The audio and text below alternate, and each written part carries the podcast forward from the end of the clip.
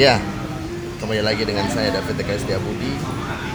Sesuai dengan janji saya sebelumnya bahwa channel podcast saya akan berisi banyak sekali cerita tentang keseharian pekerjaan saya. Nah, sekarang saya meliputi migas tentu banyak naksum yang bersinggungan dengan keseharian saya. Salah satunya orang ini eh, seorang eh, CEO beberapa perusahaan dan mungkin sempat jadi asosiasi dan nggak tahu sekarang posisi terkini sebagai apa. Mungkin nanti kita akan bicara panjang lebar dan sorry sebelumnya kalau tempatnya agak noise ya tapi ya semoga nggak terlalu membantu lah. Oke teman-teman semuanya saya perkenalkan Pak Tumbur Perlindungan selamat malam Pak. Selamat malam, malam, malam. selamat malam. Pak ini kita ngomong-ngomong santai aja Pak. Ya. Semoga nggak terlalu kaku lah ya kita ya. Iya. Gue juga grogi ini karena ini eh, edisi perdana nih dengan seseorang yang ekspertis banget seperti Pak Tumbur ini. Kalau teman-teman merhatiin Pak Tumbur ini baru aja masuk TV ya. Sebenarnya biasa masuk TV tapi menurut gua agak spesial karena sektor hulu belum terlalu apa ya end user consume ya Pak untuk publik gimana ya sebenarnya belum belum gampang belum membumi gitu Nggak nggak, gampang dicerna. nggak gampang dicerna Ya, gitu Karena magnitude dari eh, industri hulu tuh sangat besar. nah Dan nggak banyak pemain di Indonesia yang main di industri hulu. oke Dan biasa tuh main global. Main Makanya banyak eh, terminologi sama gimana risknya, resikonya itu banyak orang nggak ngerti. Bukan karena nggak ngerti karena mereka karena nggak biasa aja. iya Nggak, it's not a common business. Jadi masalah. jadi eh, mungkin kita mulai aja ya jadi Pak Tumbur ini akan bicara mengenai sektor migas dan kalau teman-teman eh, mengenal tahu sedikit tentang dunianya menarik juga sih Eh, Pak Tumbur sebelumnya jadi CEO-nya Saka Energi sebelumnya di Faiko ya Pak Saya pernah di Schlumberger, di. Faiko, Hmm. di Shell, Hah? sama di, di BP. Tapi kata-kata di offshore semua ya di onshore semua ya Offshore. offshore ya di laut semua ya rata-rata offshore. Nah, jadi CEO eh, operator migas onshore di laut tuh. Jadi kan offshore ya, offshore itu di laut, jadi itu posisinya di tengah laut. Tapi hobi masa mudanya mendaki gunung. Betul. Betul. Ya, ya lebih membuang adrenalin saya itu mendaki gunung. Tapi Extreme sport. extreme sport. Extreme sport. Jadi mungkin dari situ naluri ngebornya dapat ya Pak. Pengenan nalurin ngebornya Ya, gitu. lebih ke ngambil decision. Jadi dia kan ini kan resiko bisnis, high risk bisnis. Lebih saya belajar ngambil decision waktu saya ngambil di outdoor activity yang ekstrim bisnis. Eh ekstrim uh, outdoor bisnis. uh, activity. Eh, gunung gunung mana Pak yang udah top? Yang kira-kira udah Terakhir yang kita saya jadi tim Indonesia yang ke Himalaya Eh. 8000 tahun 90. oh 90 ya. Tim Indonesia yang pertama ke Himalaya di 8000 ke atas. 8000 udah tahun 90 tuh Pak ya. Tahun 90. Itu kayaknya kalau sekarang kan kita lihat di Himalaya crowded banget tuh ya. Betul. Antrian. Kalau 90 gimana Pak? 90 sih masih jarang orang naik gunung. Indonesia pun jarang banget kali ya. Jarang. Kita tuh tim termuda di dunia waktu itu. Oh, masih untuk di- naik 8000. Udah selesai dari kampus dong ya. Belum, masih kuliah. Masih kuliah. Masih semester 3. Semester 4. Pak Tumbur dari mana sih Pak? Eh, Trisakti dulu, geologi. Oh, iya, iya, iya. Jadi olahraga naik gunung tuh masih olahraga yang apa ya ekstrim dan orang nggak ada yang mau. Nggak ada yang mau. Kalau nggak sekarang mah rame. Tapi eh, kalau tadi terkait dengan eh, decision making eh, adrenalin itu apa emang semua geologis atau orang yang berkutat di migas itu memang suka hobi-hobi yang ekstrim juga nggak sih? Enggak juga sih, Eh. tapi kan waktu dia ngambil keputusan untuk misalnya ngebor 100 juta dolar atau 50 juta dolar Eh. yang ekspektasinya belum tentu dapat ya you have to have a gut to make a decision itu masalah nah waktu kita melakukan extreme sport itu biasanya kita melihat ya kita mempertaruhkan nyawa kan hitungannya Nah, tapi dengan perhitungan sama dengan eksplorasi juga Oh. mempertaruhkan eh, capital tapi dengan perhitungan Pak dari dari dari pengalaman yang ada nih eh, memang apa ya kayak kebetulan di offshore atau memang lebih milih lebih milik offshore karena di offshore Ah, kenapa? nggak ada gangguannya maksudnya kayak kalau di, di di onshore Eh. kan bisa di demo Oke. pembebasan lahan, eh. Terus bisa banyak gangguannya. Tapi kalau di di laut kan nggak ada yang mengganggu di laut, nggak mungkin di demo juga. Jadi secara uh, Eksternal, bisnis, ya. iya, secara bisnis bisa lebih cepat daripada di darat. Dan karena di tengah laut jadi lebih hening ya, lebih tenang kali ya gitu. ya. Iya, lebih tenang dan nggak gangguin juga. Siapa yang mau ke laut gangguin? Nggak ada. Iya iya iya. Ya. Pak Tumbuk ini jadi berapa tahun total sudah di Berminyak migas ya minyak? sekitar 25 tahun ke atas lebih dari 25 tahun di sejak dari lulus saya udah di mana di migas Pertama jadi apa Pak? Lulus selalu lulus itu junior geologis terus ya junior geologis dari awal ya di Sial ya Pak? Di mana? nggak di Sulawesi City Sulawesi City. iya Sulawesi junior geologis terus lari ke komersial komersial terus lari ke manajemen Manajemen. Oke. Nah sekarang sepertinya kan sudah tidak di Saka Pak. Eh, ada bedanya Pak? Tantangan apa sih yang pengen didapat Pak Tumbuk? lebih ke supaya crowdnya eksplorasi itu ada di Indonesia Oh, itu yang kita yang kita harapin supaya kalau crowdnya ada eksplorasi meningkat discovery pun pasti ada Oke. nah pekerjaan pun akan ada buat tapi orang tapi saat-saat crowd yang Bapak sebutkan itu udah pernah terjadi di Indonesia Pak. Nah, sebelum tahun 2001 Indonesia crowd 50 sampai 150 exploration well rata-rata setahun Wow. sekarang di bawah 20 20 Jauh sekali ya. lebih jauh Eh, eh, eh, lalu, dengan dengan langkah-langkah itu mungkin udah masuk kita situasi terkini kan sekarang konsumsi naik, produksi ini yang kita tahu ke neraca perdagangan. Tapi sebenarnya dari situasi yang kita tahu, publik tahu ini apa yang perlu kita pahami terkait dengan Indonesia? lebih ke eh, investasi hulu migas itu eh, foreign direct investment jadi tidak eh, investment directly ke ekonomi Indonesia. Hmm. itu yang harus indikator pertama dengan banyaknya eksplorasi. Karena eksplorasi itu ya kita ngebor dua bulan habis 20 juta dolar 30 juta dolar. Itu langsung spending di Indonesia. Itu untuk meningkatkan investasi. Itu juga economic driver untuk perekonomian Indonesia. Itu yang harusnya diingat. Makanya waktu tahun sebelum 2001 Indonesia tuh growing lebih dari 7 persen Untuk sektor migas sendiri ya? enggak Oh, ini Indonesia Indonesia, Ah, ah. oke. karena dari eksplorasi direct apa direct spending Hmm. eh, economic driver bisnis penunjangnya pun hidup Krakatau Steel pun hidup Oke. Iya, kapal-kapal Oke. pun ada pekerjaannya dan industri ikutan lainnya pun hidup Oh berarti memang migas itu eh, sangat membantu sektor lain di Indonesia untuk berkembang ya? Bisa nggak kalau saya bilang begitu? Eh, absolutely. Jadi 80% Uh-huh. ekonomi Indonesia di drive dari sektor migas. Bukan revenue-nya ya, Iya, iya, tapi the drivernya tuh hampir 80% sektor Indonesia. Oh banyak juga jadi salah satu penyebab kenapa perusahaan-perusahaan yang tadi bapak sebut itu turun karena migas juga turun ya? Iya. Krakatau Steel sekarang Iya, agak iya. kolaps karena nggak ada bajanya nggak dibutuhkan sama migas, migasnya nggak ada ya bajanya hilang. Kapal-kapal juga banyak yang kolaps kenapa? Karena nggak ada eh, pengeboran eksplorasi. Lalu dengan dengan tingginya kebutuhan hulu produksi kita pak, Eh, kan banyak tuh negara yang juga defisit migas ya, Hmm. Singapura gitu, Jepang, mereka sepertinya tidak punya masalah gitu. Atau gimana pak? Bukan, jadi mereka gini, eh, kita tuh terlalu dependensi sama komoditi migas Eh, dari tahun 50 tahun terakhir ini. iya iya. Mereka karena mereka tidak punya migas, manufacture-nya dibenerin. Oke. Nah, manufacture-nya itu sudah udah running. Kita nggak ada manufacture yang running seperti di negara-negara mereka. Jerman nggak punya, Jepang nggak punya, Korea nggak punya. Manufacture-nya jalan mereka. Ada ada sektor lain yang diunggulkan. Iya, mereka fokus ke sana. Jadi jadi kalau bahasanya kalau manufaktur kita jago tuh, Iya. harusnya nggak ada defisit. migas nggak ada masalah kali. Iya, nggak masalah. Harusnya. Tapi karena kita kan semua dependensinya terhadap sama migas, Pak, tapi kan komoditi. dari cara pandang pemerintah kayaknya kita bicara migas itu jadi devi- devisa ya. Iya. Kalau dia dimasalahkan jadi impor berarti kan dulu ada ekspor yang kita berjago gitu bahasanya. Atau kena kasih pemerintahan juga.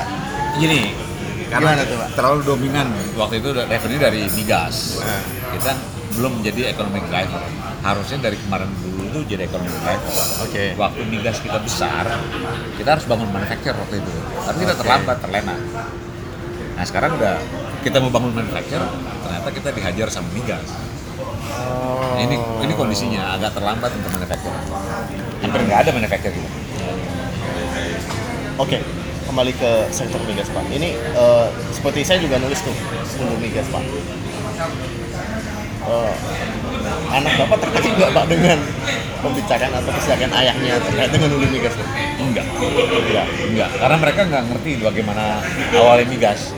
Yang mereka tahu listrik, mereka butuh listrik katanya. Padahal listrik itu dari migas itu. Oh, iya. Ya, yang generasi baru itu nggak nggak ngerti minyak itu dari menghasilkan listrik. Jadi jadi jadi migas itu old industry Yes. dan itu tidak digemari. Belum digemari sama anak muda sekarang. Karena mereka bilang listrik bisa dari terbarukan, bisa macam-macam. Padahal dominannya masih Jadi bisa juga bisa nggak tahu mungkin Pak Pak Gubernur update apa enggak sebenarnya berarti keinginan mahasiswa apa mahasiswa jadi mahasiswa teknik pertambangan juga berkurang kali ya? Pak? Em, iya. Relatif itu berkurang seluruh dunia. Seluruh dunia. Itu itu masalah. Oh jadi itu udah Jadi isu emang. Isu. Makanya sekarang masih umur 80 pun masih kerja di oil gas. Kadang-kadang karena nggak ada nggak ada ahlinya. Dan orang mulai ini kan old business, old industry. Dan non environmental friendly katanya. iya iya. Sekarang sekarang isunya environmental friendly. Isunya itu ditarik jadi Iya. macam-macam ya. Itu itu jadi masalah. Lalu Drain drain. eh, tapi eh, kalau itu kan juga kayak kecemasan terjadi di insinyur ya di insinyur juga kekurangan kita kan Iya. tapi itu peminatnya lebih kecil dari insinyur pak atau sebenarnya Iya. sama ya Waktu saya kuliah itu cuma tujuh, tujuh sekolah yang ada di Indonesia yang untuk migas. dan sekarang juga belum terlalu banyak juga ya Iya. Sekarang ada 30-an, tapi ya karena nggak ada lapangan pekerjaan, mereka juga mana juga. susahan tambangan atau jadi dokter pak secara studi ya Hampir sama, relatif sama. Relatif sama, cuman ini lebih abstrak kalau yang migas. dan saya pikir juga kalau udah lulus kayaknya sama ya pak bahkan kayaan orang minyak kali ya pak Enggak juga, karena jarang aja.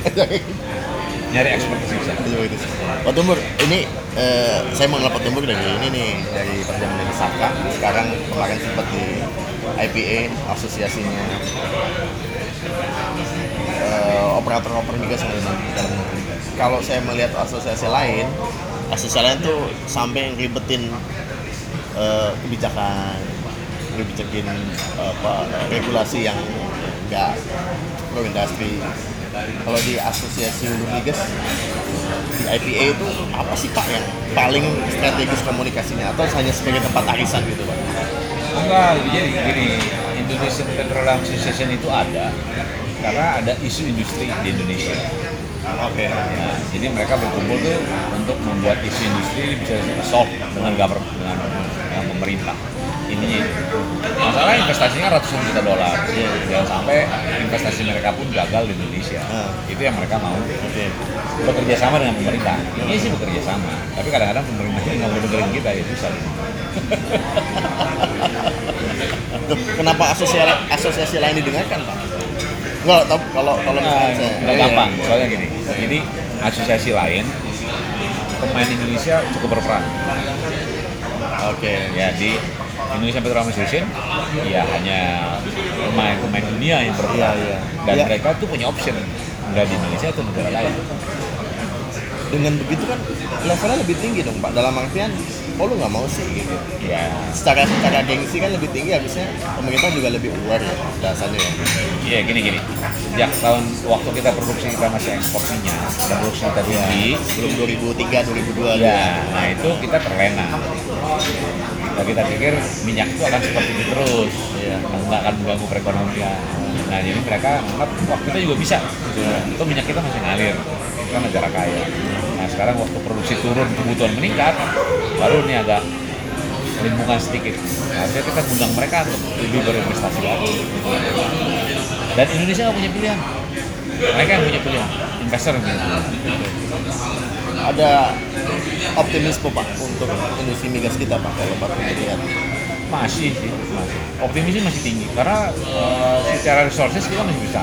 Iya, iya. Ya, Tapi kita kayaknya Malaysia udah mulai naik tuh dia kalau saya lihat Produksinya. prosesnya sampai 2025 apa itu. Iya. Cadangannya loh Pak. Eh, sustain sustain cadangannya dia. Iya, karena mereka melakukan eksplorasi terus. Kalau kita kan udah berhenti. Jadi cadangan kita itu berkurang bukan karena habis tapi kita tidak melakukan eksplorasi ngambil tapi nggak nyari lagi Iya. gitu ya berarti iya memproduksi tapi kita nggak nyari lagi nyari lagi tapi kalau nyari lagi Malaysia juga kalah gitu ya negara Asia itu paling gede kita salah satu Pak Tumur, lalu kalau bicara mengenai yang tadi tadi udah masuk masa depan kita nih. Ini kan presiden kita lanjut nih. Kasih paparan Pak sedikit review lima tahun ke belakang atau cukup fair nggak kita review lima tahun ke belakang untuk atau ke 20 tahun ke belakang setelah kita net importin minyak gitu. harusnya 20 tahun ke belakang jadi kan industri industri migas horizonnya tuh 15 sampai 25 tahun Oke. ya jadi apa pun juga dilakukan oleh Pak Jokowi ini lima tahun ke depan impactnya nggak ada impactnya ntar 20 tahun ke depan 20 tahun.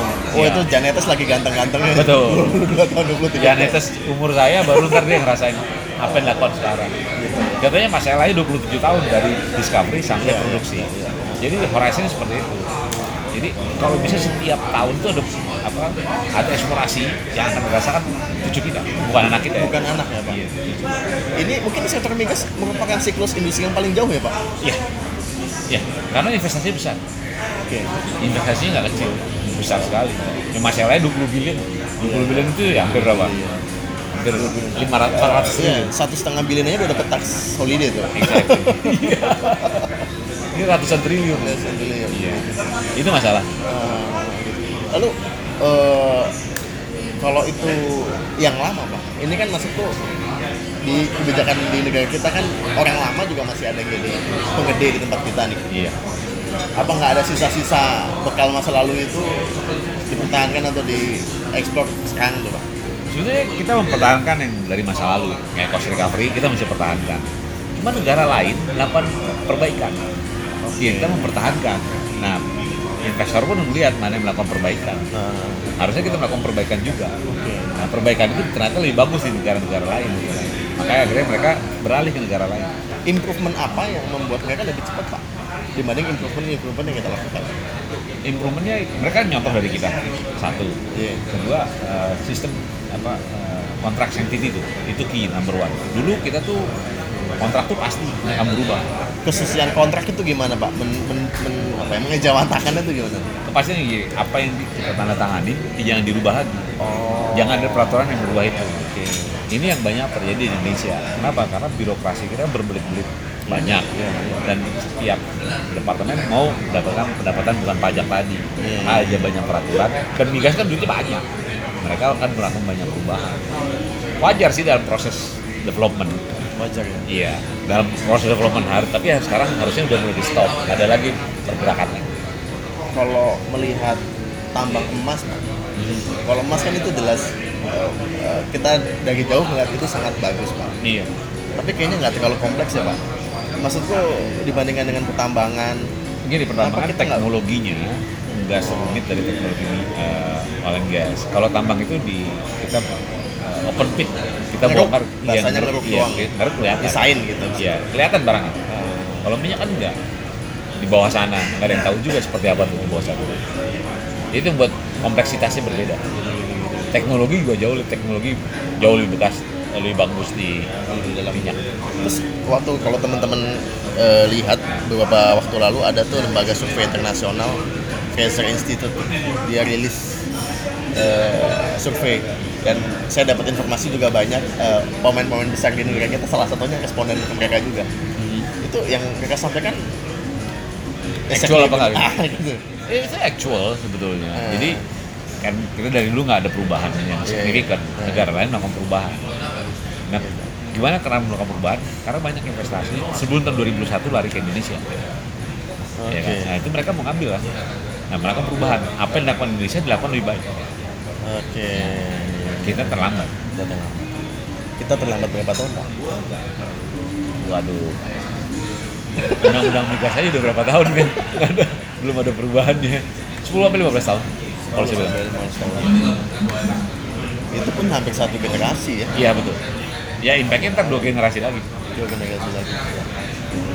Tapi kalau kalau lihat em, model ini saya hubungannya ini banyak banget mengaitkan kebijakan pemerintah milenial segala macam bla bla bla gitu. Dengan industri setua ini, Pak. lalu dengan turunnya minat, gimana kita pak menjaga keberlangsungan industri migas terlepas dari ya emang produksi kita turun. Iya. apa sih yang yang yang perlu kita jaga tuh crowd industrinya harus tetap ada supaya industri ini eksis industri eksis memang nggak akan gampang untuk menarik milenial untuk main di industri ini tapi at least dari mungkin dari 100 ada dua atau tiga orang akan main. Oke. Itu itu yang kita jaga. Tapi kalau begitu crowdnya hilang mereka akan lari dari industri ini. Akhirnya kita import. Ini yang kita harus jaga crowd itu tetap ada. Eksplorasi tetap berlangsung. Oke. Nah. eh, investor tetap datang. Nah itu Iya, akhirnya iya. mereka lihat sektor itu. Itu juga kemarin aku lihat investor itu dulu tuh aku kemarin pas uh, impact rilis pak impact itu awalnya itu namanya Indonesia Nippon ya Iya. petroleum dan dulu mungkin sebagai uh, Buat Indonesia gantiannya aja. Iya. karena menjajah dia bantuin kita nyariin Betul. gitu ya pak ya? betul kalau begitu kan kalau melihat di sektor lain ini Indonesia itu jadi tempat riset paling oke ya pak untuk kayak misalkan tol kan Jagorawi gitu yang paling pertama tuh iya nah di sektor migas kita jadi salah satu mungkin basin atau tempat yang paling oke untuk Iya. riset atau jadi kayak Shell itu pertama kali dapat minyak di Indonesia Shell yang terbesar di dunia Iya. itu dari Indonesia Schlumberger pertama kali melakukan logging di Indonesia ya Indonesia itu tempat yang bagus untuk mereka melakukan riset dan belajar oke Nah tapi kita nggak itu dengan uh, continuous dan crowdnya tadi nggak berhenti nih dari 2001. Itu yang jadi Oh. turun gitu. Nah. Indonesia tadinya hubnya untuk teknologi oleh Indonesia di dunia. Belakangan Amerika yang nemuin tuh shale gas tuh pak Ya. Uh, ada nggak sih kemungkinan riset-riset baru di Indonesia terkait ini agak teknis Untuk juga- gas? Eh, enggak untuk sektor lain juga mungkin ada temuan gas yang lain juga atau gimana Iya, iya, iya. Indonesia tuh potensi untuk shale gas sama shale oil. Cuma belum dilakukan researchnya. Amerika tahun 72 start riset untuk shale gas dan shale oil. Tahun 1972. Baru 50 40 tahun ya? Baru 40 tahun dari situ dapet ya Mereka melakukan riset dan pemerintah melakukan riset. Lembaga riset Amerika melakukan. Eh, tahun 2009 swastanya yang ngambil hasil lembaga riset tadi dia coba. Dia coba. Dari 2009 tahun 2015 mereka ekspor. Dan mem- membuat harga minyak turun ya. Nah kalau kalau melihat ini agak teknis pak. Semoga gue nggak so tahu ya. Eh, keunikan lempengan kita tuh gimana sih pak? Dalam artian menjaga kayaknya masih beauty gitu ya. Apa nih pak? Kalau dari sisi geologis? Gini eh, dari geologis ya kita ketemu banyak giant field di Indonesia. Dari Arun ya di Sumatera Selatan di Laut Jawa di Kalimantan Timur. Itu giant. Giant giant field di situ di semua Papua. lokasi kita iya. Ya oke. Giant field nggak cuma satu giant field. Pasti banyak tapi kita harus eksplorasi. Memang akan lebih susah tapi giant fieldnya masih ada. Kalau se- setingkat Banyurit itu bukan? Giant field. Di, di Jawa Timur Jawa Tengah. Oh. Jawa Timur Jawa Tengah. Masih banyak itu. Kita belum ketemu aja. Oh kalau Saka Kemang itu belum ya pak? Belum ketemu. Kan udah ketemu yang koridor Iya. kan giant field. Ah. Caka Kemang ketemu lagi kan? Oh. Iya iya, ya, itu dekat dari koridor kan? Iya. banyak gitu. Terus kalau belakangan kan ada narasinya SKK bahwa sekarang kita lebih tren gas ya pak. iya Terus potensi minyak di mana pak? potensi minyak masih besar kok nggak di nggak diekspor aja nggak ada eksplorasi Oh ini bukan ini masalah siapa yang ketemu duluan aja kali ya pak? iya betul yang ketemu sekarang banyak kan gas Eh. ya cari lagi pasti ketemu minyaknya pasti Pasti. iya nggak mungkin kan minyak kan dari eh, gas kan dari minyak dulu baru jadi gas Gitu. Oke oke. Ah, nih, udah agak lagi sekarang kita ngomongin politik nih. Sekarang Iya. ini ngomongin politik nih. Yang ini ngomongin santai-santai aja nih. Tumbur. em, negara lain yang kayak mesti ketemuin nemuin Zorg tuh kan Iya. lagi kacau tuh pak. Terus sekarang eh, yang lagi digoncang si Brazil Venezuela ya pak, Iya, yang lagi digoncang sekarang dan itu potensinya bisa juga. Kita bisa kayak gitu nggak sih pak? Karena kan kita kaya migas tuh. Jadi kalau Mesir itu lebih dulu sempat ngalamin krisis listrik mereka. Nah, karena di investasi nggak berkembang. Akhirnya dibuka besar-besaran, mereka ketemu Zor, ketemu berapa lagi. Akhirnya begitu ketemu, semua rebutan. Makanya jadi krisis politik. Venezuela juga begitu. Begitu kaya raya negara itu. Nah, akhirnya terlena dengan kaya rayanya tadi, akhirnya mereka jadi krisis politik. Di Middle East juga begitu. masih terus belum selesai Middle East. Jadi ketemu tambang emasnya dulu baru jadi Iya, baru karena jadi rebutan. Itu itu normal lah. Kalau berkaca di era-era kita sebelumnya itu termasuk konflik pak yang kita alami. Iya, tapi menurut saya sih dulu karena tangan tangan Iya. besinya itu, Ah. makanya konfliknya tidak Relatif berarti lebih, Lebih secure kita stabil. ya pak ya amannya pak. Dibuat stabil Stabil gitu. supaya ekonominya bisa growing. Nah, lalu masih ada stereotip begini pak negara banyak minyak itu negara kaya itu kayak kita dulu kenal Saudi segala Iya. macam gitu sampai sekarang masih bisa di kita relatekan dengan Masih karena ini di mana pun juga orang berebutan dengan energi. ya. Energi itu darahnya pembangunan. Iya. Itu itu harus diingat. Kalau nggak ada energi nggak jalan semua. Jadi namanya online itu kalau nggak ada energi nggak jalan online. Oke Ya harus ingat darahnya pembangunan. nggak kayak pembangunan. Ini pak lalu kalau ini pena- pembangunan pak orang politik kita melihat energi migas atau segala macam itu sejauh mana pak? Apakah sebatas dapat nih barang uang nih? Ya berarti masih seperti itu sih umumnya. Ya kalau mereka ngeliat kalau ini sebagai driver ekonomi itu darahnya pembangunan. Jadi kita nggak jalan nih tubuh manusia kalau nggak ada darah kan. Artinya itu ini, ini. Tapi kalau kita melihat ini cuma sebagai oh gemuk nih lemak doang diambil. Ya akhirnya seperti sekarang. Iya. Nah, harus ngeliatnya sebagai darah. Lalu ini Pak, karena kan orang migas itu kan orang the world ya Pak, jalannya jauh-jauh ya, ke babak global udah ke mana-mana. Iya. Terus mungkin kemarin waktu di Metro TV juga, jangan iniin pemerintah lu sendiri dong gitu Iya. bahasanya.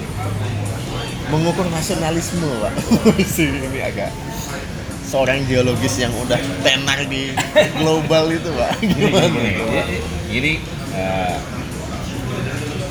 oil and gas itu Iya. itu mata uang global. Oke. ya jadi ingat itu sebagai mata uang global Ya, ya, ya. semua butuh energi dari mana pun juga energi Oke. ya, jadi nasionalisme is number one untuk negara kita kedaulatan energi yes tapi jangan lupa oil and gas adalah energi global eh, apa eh, global currency lah hitungannya Oke. jadi di mana pun juga kita bisa menghasilkan energi dibawa ke Indonesia Nilainya sama ya Pak. iya nilai sama Di mana pun nilainya sama. Ya, minyak sama Kesulitannya sama Pak. sama resikonya sama tinggal modelnya ya. Iya. Nah ini global currency Gua seru banget nih. Walaupun saya nggak tahu pengemburan baru naik juga kayak Saka kemarin tuh Iya. bagus sekali tapi kayaknya menarik. Nah Pak ini udah setengah jam. Saya janji kalau banyak respon dari publik kita harus ngobrol lagi. boleh Tapi sesi pertama ini apa Pak mimpi ke depan Bapak? Ya maksudnya kan Bapak nih setelah dari Saka habis itu atau Pertamina satu atau menteri atau swasta atau gimana lah Tapi kalau saya sih lebih arahin ke swasta untuk membangin eksplorasinya supaya berkembang. Jadi begitu buat eksplorasi berkembang, yang lain akan ikut economic driver tadi. Itu yang kita mau lihat. Jadi regardless mau swasta mau pemerintah, karena ini global currency, sama aja. tapi Pak Tumbur nggak anti BUMN atau pemerintah kan? atau bahasanya trauma gitu Wah, enggak juga sih. Kalau trauma sih enggak, kita nggak pernah trauma. Di, di apa di di swasta juga lebih kompetisinya lebih, lebih berat. Kalau masalah ganti, pakai ganti normal di mana gue gue sering ganti. jadi demi darah pembangunan Iya. negara yang memanggil siap ya Iya. Gue nggak masalah kalau itu. Nggak masalah. Iya. Pak sejauh mana geologis kita tuh kompetitif Pak dibandingin dengan Yang lain, eh, ini Indonesia itu orang pinter, ya. Geologis kita juga pinter-pinter di tempat lain. Kasih dia bermain. Eh, Selama ini begitu di perusahaan asing mereka nggak bermain. dan nggak perlu mereka sekolah di Texas IM itu ya Pak ya Nggak selalu. Come on lah, gue lulusan Trisakti. kok. Siap. Tuh teman-teman Trisakti itu nggak cuma sekolah demo loh. Iya. Sekarang kalau sekarang ada pengamat eh, perminyakannya tuh ya Pak Priagung lumayan tuh. Iya. Ya ya ya ya. Ya. Nah, lokal lokal lokal school is good. Iya, karena kita research centernya buat and gas dunia. Trisakti, ITB, kalau Jogja UPN ya Pak. ITS ada ya? Gajah Mada. Sekarang UI Mada, udah ada geologi. UI. Ada. Yang gede-gede ya Pak. Iya. Dia jangan pernah takut. Kita tuh global player. Local people with global player. Tapi emang saya dengar-dengar lulus langsung serap ya Pak. Iya. Itu udah. Kan nggak banyak orang mau merchant. Tapi kalau masalah gender Pak, Gender juga masalah. eh, yang cewek banyak juga. ya? Banyak juga. Mulai banyak sekarang. Jadi kita mulai di mulai di respect lah. Ini kan main dominated business nih. Sekarang sih udah. Oh, Oke oke oke. Teman-teman kalau lu tanya Pak Tumbur itu siapa, silakan googling aja. Banyak CV-nya di situ. Males gue ngecek satu-satu. Tapi ini final karena saya ngikut eh, Instagram yang nge-follow Instagramnya Pak Tumbur itu berapa kali ini nih apa posting ngunggah kutipan-kutipan dahsyat. what what the best quote for your life Pak? Never give up. Kecil Never ya, up, kecil yeah. ya. Never give up. whatever you do. Trust that you can do it. Nah itu yang. Kalau lu Itu dapat kapan Pak? Quarterback itu Bapak dapat kapan? never give up tadi. Iya, pas kapan tuh biasanya? Fase hidup pas kapan itu? Waktu extreme sport tadi. Pas naik gunung. Gunung pertama kali. Ya nggak juga. Ya pokoknya perjuangan kan kita punya limitasi ya. Kita nggak pernah yang pernah melawan alam bersahabat dengan alam. Oke. Pak Tumbuk seorang yang sahabat dengan alam, terus berkecimpung di dunia industri yang katanya tidak ramah lingkungan gitu ya. Ah, ini yang paling terakhir. Bener nggak sih? Sebenarnya migas itu sustainable juga. Cuma masalah periodik waktunya lama gitu. Betul. Jadi kalau nanya geologis, Iya. selama masih ada air pasti ada minyak. Selama masih ada air ada minyak. Berarti di rumahnya Pak Tumbuk dia sendiri yang ngebor kali ya. Oh iya bisa jadi. Tapi itu itu itu, itu kita punya prinsip. Oke, oke. Ya, terima kasih para geologis-geologis Indonesia dan Pak Tumbuk juga telah berbagi kesempatannya malam ini. Semoga sukses Pak untuk jalan depannya. Kalau ada kesempatan waktu kita ngobrol lagi, Siap. Siap. Ngobrol aja. jangan mentang-mentang sering masuk di TV terus nggak mau kita ngobrol loh. Oke. Selamat malam, thank you Pak Tumbuk. Malam, malam, malam.